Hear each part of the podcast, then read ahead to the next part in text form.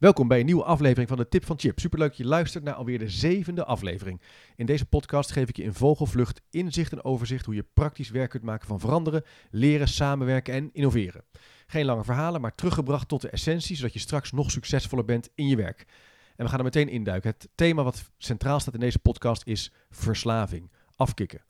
En dat doe ik eigenlijk naar aanleiding van mijn boek, wat ik een jaar of drie geleden heb geschreven, Verslaafd en Organiseren, waarin ik eigenlijk een parallel trek tussen verandermanagement en afkicken. Verandermanagement en verslaven, verslaving. Dus wil je veranderen, dan zul je moeten accepteren dat je een probleem hebt. Wil je veranderen, dan zul je eigenlijk je routines moeten aanpassen, nieuw gedrag ontwikkelen. En daarvoor kunnen we ontzettend veel leren uit de verslavingszorg. Over een paar weken komt er een podcast online waarin Frank Hulsbos en ik hierover uitgebreid in gesprek gaan. Maar in deze podcast wil ik eigenlijk in 12 minuten de hoofdkenmerken van verslaving toelichten. Wat is het nou eigenlijk? Deel 2 de belangrijkste kenmerken van verslaving in kaart brengen. Kunnen we een aantal processen in organisaties zien die ons aanknopingspunten geven voor dat idee van verslaving. En drie, als je nou wil afkicken, hoe doe je dat nou eigenlijk? Nou, punt 1. Wat is nou eigenlijk verslaving? Verslaving, het komt voort uit een blog, zo leerde ik het eigenlijk voor het eerst kennen, uit de Harvard Business Review, waarin een wetenschapper, Keith Ferrazzi, een management consultant en wetenschapper, schreef over afkicken en de parallellen die hij zag met organisatieverandering. Bijvoorbeeld het idee dat je moet erkennen dat je een probleem hebt. als je wil afkicken, moet je erkennen dat je een probleem hebt. Als je dat niet doet, ja, dan is veranderen eigenlijk niet haalbaar volgens de verslavingszorg. En uh, dat vond ik een enorm interessant perspectief. In heel veel organisaties gaat het uiteindelijk om de vraag herkennen en accepteren collega's dat er echt een urgent en belangrijk vraagstuk speelt. Kunnen we daar ook op acteren? Of zitten we, als het puntje bij paaltje komt, eigenlijk vooral elkaar bezig te houden met activiteiten die geen zin hebben? En dat is dan ook meteen verslaving. Verslaving is het onvermogen om te minderen met activiteiten die slecht voor je zijn, terwijl je wel weet dat het slecht voor je is. Dus je bent eigenlijk pathologisch bezig met het in stand houden van een afhankelijkheid. En je zou de parallel kunnen trekken in een organisatie met bijvoorbeeld visiedocumenten maken. Er is natuurlijk niks mis met het idee hebben van een visie of een stip op de horizon, maar het constant papiermolens in gang houden waarin we praten over visies, praten over de why, dat is een vorm van verslaving, omdat het eigenlijk niet werkt. Collega's zeggen vaak ook dat het niet zoveel zin heeft, maar we toch blijven doen. Dus we zijn er als het ware afhankelijk van. Nou, dat is een eerste kenmerk van verslaving. Hè. Het is een onvermogen om af te kicken. Het is een bijna ziekmakend proces waarin we niet kunnen stoppen met een bepaalde activiteit. De vraag is dan natuurlijk, kunnen we het herkennen aan de hand van effecten in organisaties? Nou, je kan het zeker zien aan een aantal effecten. Bijvoorbeeld verslaving in organisaties, het doen van zinloze activiteiten, leidt tot stagnatie in leren. Je bent eigenlijk steeds met hetzelfde bezig en je leert dus geen nieuwe dingen. Leren gaat over uitproberen, over nieuwe dingen doen, over routines doorbreken. En dat ga je dus minder doen als je verslaafd bent. Dus er ontstaat een stagnatie, stagnatie, een soort stilstand in het leren in organisaties. Een tweede punt is dat je ook ziet dat verslaving ook kan leiden tot sociale schade. Dat zien we ook in de verslavingsliteratuur. Mensen zijn nooit alleen verslaafd. In zekere zin is een hele netwerk eromheen ook betrokken. En die zijn mede schuldig. Dus de visie die je formuleert, hè, om even het voorbeeld te gebruiken, is zinloos. Maar vaak zijn ketenpartners ook weer afhankelijk van die visie. Of die vinden ook weer dat je een visie moet hebben. Of een school zegt eigenlijk ja. Uh, wij moeten wel een visie hebben, want de inspectie vraagt erom. Maar wij moeten wel onze verantwoording op orde hebben, want de inspectie vraagt erop. Terwijl het eigenlijk weinig zin heeft. Nou, wat zijn dan andere effecten nog? Er ontstaat intern geweld. Mensen gaan eigenlijk macht gebruiken om dit soort activiteiten in stand te houden, omdat het hun eigen functioneren in stand houdt. Dus het eigen belang wordt boven het gemeenschappelijk belang geplaatst. En je krijgt dus intern geweld. In de zin dat mensen elkaar uh, de maat gaan nemen, elkaar gaan dwingen om bepaalde activiteiten te gaan doen. Of uiteindelijk het dwingen zien als met name een vorm van managementaansturing. Controle, dwang en daarmee eigenlijk de autonomie en zelfstandigheid van professionals onrecht aandoen. Nou, waar het ook toe kan leiden zijn fysieke klachten. En verslaving in een organisatie kan toe leiden dat je heel erg druk bent met allerlei dingen die weinig zin hebben. En mensen zijn daardoor te druk en kunnen een burn-out krijgen, kunnen stress krijgen, kunnen ongelukkig worden in hun werk. En dat leidt tot allerlei klachten. En het laatste punt waar je het aan kan herleiden is dat de prestaties onder druk komen te staan. Uh, het kost eigenlijk steeds meer moeite om hetzelfde resultaat te halen. Je moet steeds meer doen van hetzelfde om uiteindelijk nou, een aantal klanten tevreden te stellen of om te groeien. Terwijl onderliggend er eigenlijk een ander vraagstuk speelt. Bijvoorbeeld de zinloosheid van bepaalde activiteiten of het idee dat processen continu herhaald worden zonder dat ze feitelijk ook impact hebben in de praktijk. Nou, hoe, ga je dat, hoe gaan organisaties om met die verslaving? Nou, dat wil je natuurlijk maskeren. Het is natuurlijk niet leuk om te erkennen dat je verslaafd bent. Dus er ontstaat beperkt leergedrag, een sterke terugval op hiërarchie. Dus de hiërarchie wordt eigenlijk steeds dominanter en belangrijker gevonden. We kunnen daar mooie woorden omheen verzinnen als zelfsturing en platte organisatie. Maar de hiërarchie blijft functioneel heel belangrijk om de verslaving in stand te houden. Er ontstaat controleverlies. Dus het maximaal aanzetten van bepaalde activiteiten die geen zin hebben. Ik noemde al even de verantwoordingsverslaving of de functieverslaving. Het idee dat je constant het moet hebben over taken, rollen en verantwoordelijkheden. Maar er kan ook een verstoord beloningssysteem ontstaan. Zo kan een HR-afdeling ontzettend geloven om de popplannen en de leerdoelen van teams in kaart te brengen, zonder dat ze feitelijk ook effect hebben in de praktijk.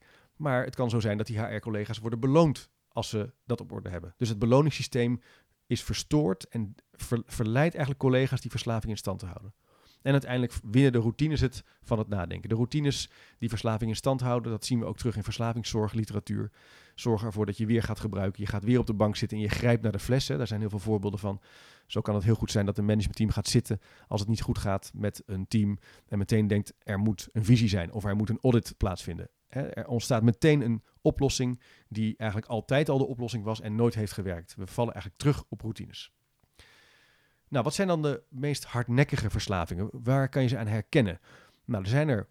In het boek heb ik er acht omschreven. Ik ga ze kort noemen. Er kunnen er best meer zijn inmiddels, maar de acht meest belangrijke is de eerste, die noemde ik al visieverslaving. Het idee van plannen maken, vergezichten uitwerken en op papier heel graag dingen opschrijven als het waarom, de essentie en de stip op de horizon. Meestal is het zinloos. Ik zou zeggen, als je aan een visie wil werken, doe dat vooral. Maar zet de eierwekker en beperk de tijd tot een kwartier. Dan kan je er best wel uit zijn. Maar visieverslaving uitzicht in allerlei activiteiten op allerlei niveaus. waarin het mensen het moeten hebben over het waarom en het bestaansrecht van de organisatie. Tweede verslaving is machtsverslaving. Dus het hele tijd mensen die elkaar gaan bezighouden met gesprekken over bezieling, purpose en gelukkig zijn. Het idee dat terugval op de hiërarchie belangrijk is en dat je de macht als het ware moet hebben om invloed te kunnen nemen. En dat zien we ook in organisaties vaak andersom. Dat mensen in een organisatie willen doorgroeien en dan ook zeggen: Ik wil graag een stapje gaan zetten. En dat betekent vaak dat ze in de hiërarchie meer verantwoordelijkheid tot zich willen nemen. Nou, macht is verslavend, dat zei Spinoza al. Dus we moeten daarvoor oppassen. We moeten oppassen dat het niet blijft hangen bij één persoon. Maar het is wel degelijk een verslaving. En veel organisaties zijn te analyseren vanuit het idee van macht en positie. Derde verslaving is opstapelverslaving. Dus gewoon constant nieuwe dingen opstarten zonder ze af te ronden. Daar zijn scholen en overheidsinstanties enorm goed in, maar ook commerciële organisaties. Kijk, als er iets bij komt, moet er ook iets van af. Zaken geen, niet goed afronden is heel gevaarlijk. Dus als er een activiteit bij komt, is altijd de vraag wat gaat er af. En organisaties die verslaafd zijn, gaan eigenlijk constant nieuwe dingen opstapelen zonder goed af te ronden, goed te borgen. Vierde verslaving is verantwoordingsverslaving. Dus eigenlijk sterk vertrouwen hebben in rapportages, stafdiensten, audits en onderlinge controle, ook wel interne ogen genoemd.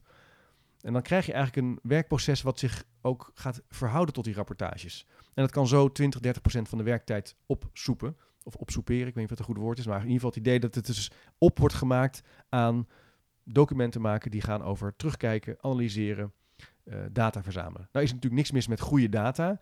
Maar het is gevaarlijk als verantwoordings verslaving eigenlijk de overhand gaat krijgen. Als er andere collega's zijn die het primaire proces gaan verstoren en als het ware zich gaan bemoeien met de voorkant van de organisatie. Dus dat is de vierde verslaving. Nou, er zijn er nog wel meer. Tijdverslaving, dat je gewoon veel te druk bent, dat je je tijd helemaal rammetje vol zet, waardoor je geen tijd meer hebt voor reflectie, uh, verveling en nieuwe dingen uitproberen. Stond laatst ook weer een artikel in de Volkskrant. Dat is een van de gevaarlijkste dingen van vandaag de dag. We worden eigenlijk ook veel slimmer van. Soms ook lummelen. Dus er moet tijd zijn om niks te doen. Een ander punt kan zijn verworven rechtenverslaving. Het terugvallen op wat heb ik al en wat gaat het toch goed en hoe lang moet ik nog. Het kan zijn dat collega's op de woensdag altijd een thuiswerkdag hebben en niet willen uh, naar hun werk willen komen, omdat ze dan ook toevallig de kinderen ophalen. Allerlei verworven rechten, vakantiedagen, uh, werktijdverkorting, die natuurlijk heel belangrijk zijn, maar ook de overhand kan hebben en die verandering tegen gaan houden. Dus mensen gaan niet meedoen omdat die verworven rechten hun eigen belang eigenlijk boven het gemeenschappelijk belang gaat. Dan heb ik er nog twee. Functieverslaving. Dat gaat over de, noemde ik al even kort, het constant praten over taken, rollen en verantwoordelijkheden. Dat dat de hele tijd moet worden uitgewerkt en opgeschreven. En dat je dus buiten je functie niks kan doen. Nou, dat is natuurlijk één een groot broodje aap, maar het kan wel een hele sterke realiteit zijn. En zo kunnen collega's erin gaan geloven dat ze andere collega's niet hoeven aan te spreken, omdat het niet bij hun functie hoort, et cetera, et cetera. En de laatste is probleemverslaving. Een heel herkenbaar probleem, zelfs een heel herkenbaar vraagstuk is dat zelfs op plekken waar het heel goed gaat, er constant nieuwe problemen worden gecreëerd, waardoor je niet leert van wat er goed gaat, maar steeds leert van wat er een beetje fout gaat. En je kan ook net zo goed uh, sterke leerprocessen en sterke veranderingsprocessen organiseren op basis van talent, op basis van successen. En het hoeft niet altijd te gaan over wat er misgaat. als je ruim voldoende scoort, dan zou je misschien eerder moeten afvragen: hoe kan ik daar meer van krijgen? Dan in plaats van te bedenken: wat mis ik nog en hoe kan ik dat beter doen? Dat zijn de acht sluipmoordenaars. Dan is natuurlijk de spannende vraag: hoe kan je afkicken? En daar hebben de wetenschappers uh, en onderzoekers over verslaving best wel wat over geschreven. Die zeggen eigenlijk: uiteindelijk gaat afkicken over het accepteren dat je een probleem hebt, maar over de spanning tussen autonomie, verbondenheid en vakmanschap. De drie kernprincipes die in het werk motivatie bepalen, maar misschien veel breder een reden zijn om te werken. Je wil zelfstandig besluiten kunnen nemen over je werk. Je doet dat in gezamenlijkheid met andere collega's. En ten derde uh, moet het gaan over je vak en over dat waar je warm voor loopt en waar je zin in hebt.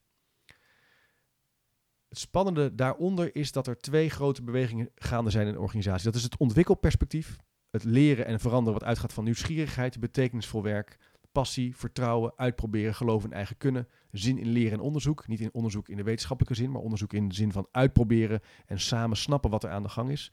En aan de andere kant het domein van presteren, prestatieafspraken, sterke administratieve regels, centrale sturing, gehoorzaamheid, kwaliteitscontrole, verantwoording, toetsen meten en terugkoppelen, etc.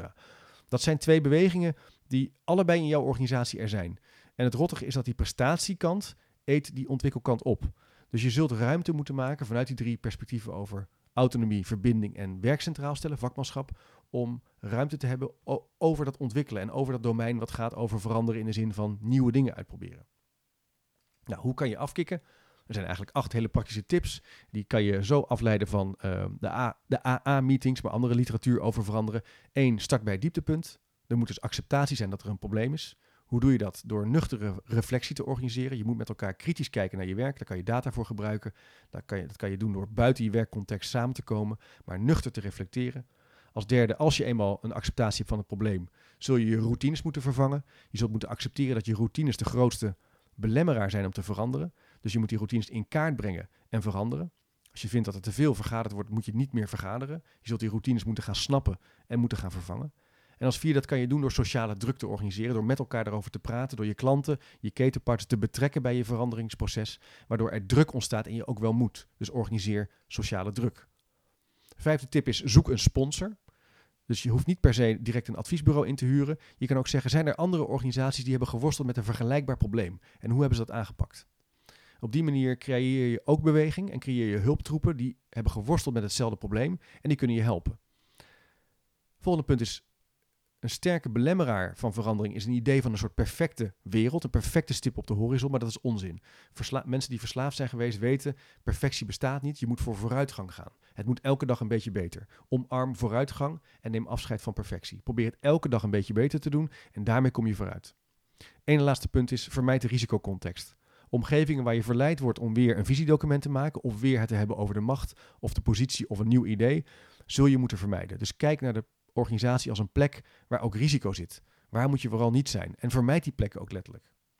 En als laatste, bouw een sociaal vangnet. Probeer met elkaar af en toe regelmatig terug te komen. Te accepteren dat veranderen ook af en toe misgaat. Dat het niet lukt. Dat je misschien terug bent gevallen in een oud patroon. Heb het erover met elkaar, zodat je ook weer een nieuw initiatief kan ontwikkelen. Nou, dat zijn acht tips om af te kicken en te minderen op basis van het idee van verslaving, dwangmatige routine en een terugval op bestaande processen die niet werken terwijl je wel het anders wil.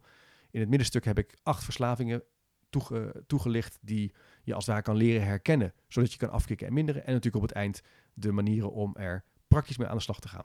Ik hoop dat je met plezier hebt geluisterd. Laat me even weten uh, via chipcast.nl eh, wat je ervan vond. Uh, ik vind het ook leuk als je op Twitter, LinkedIn, Facebook of op iTunes of Spotify een waardering geeft op, over deze podcast.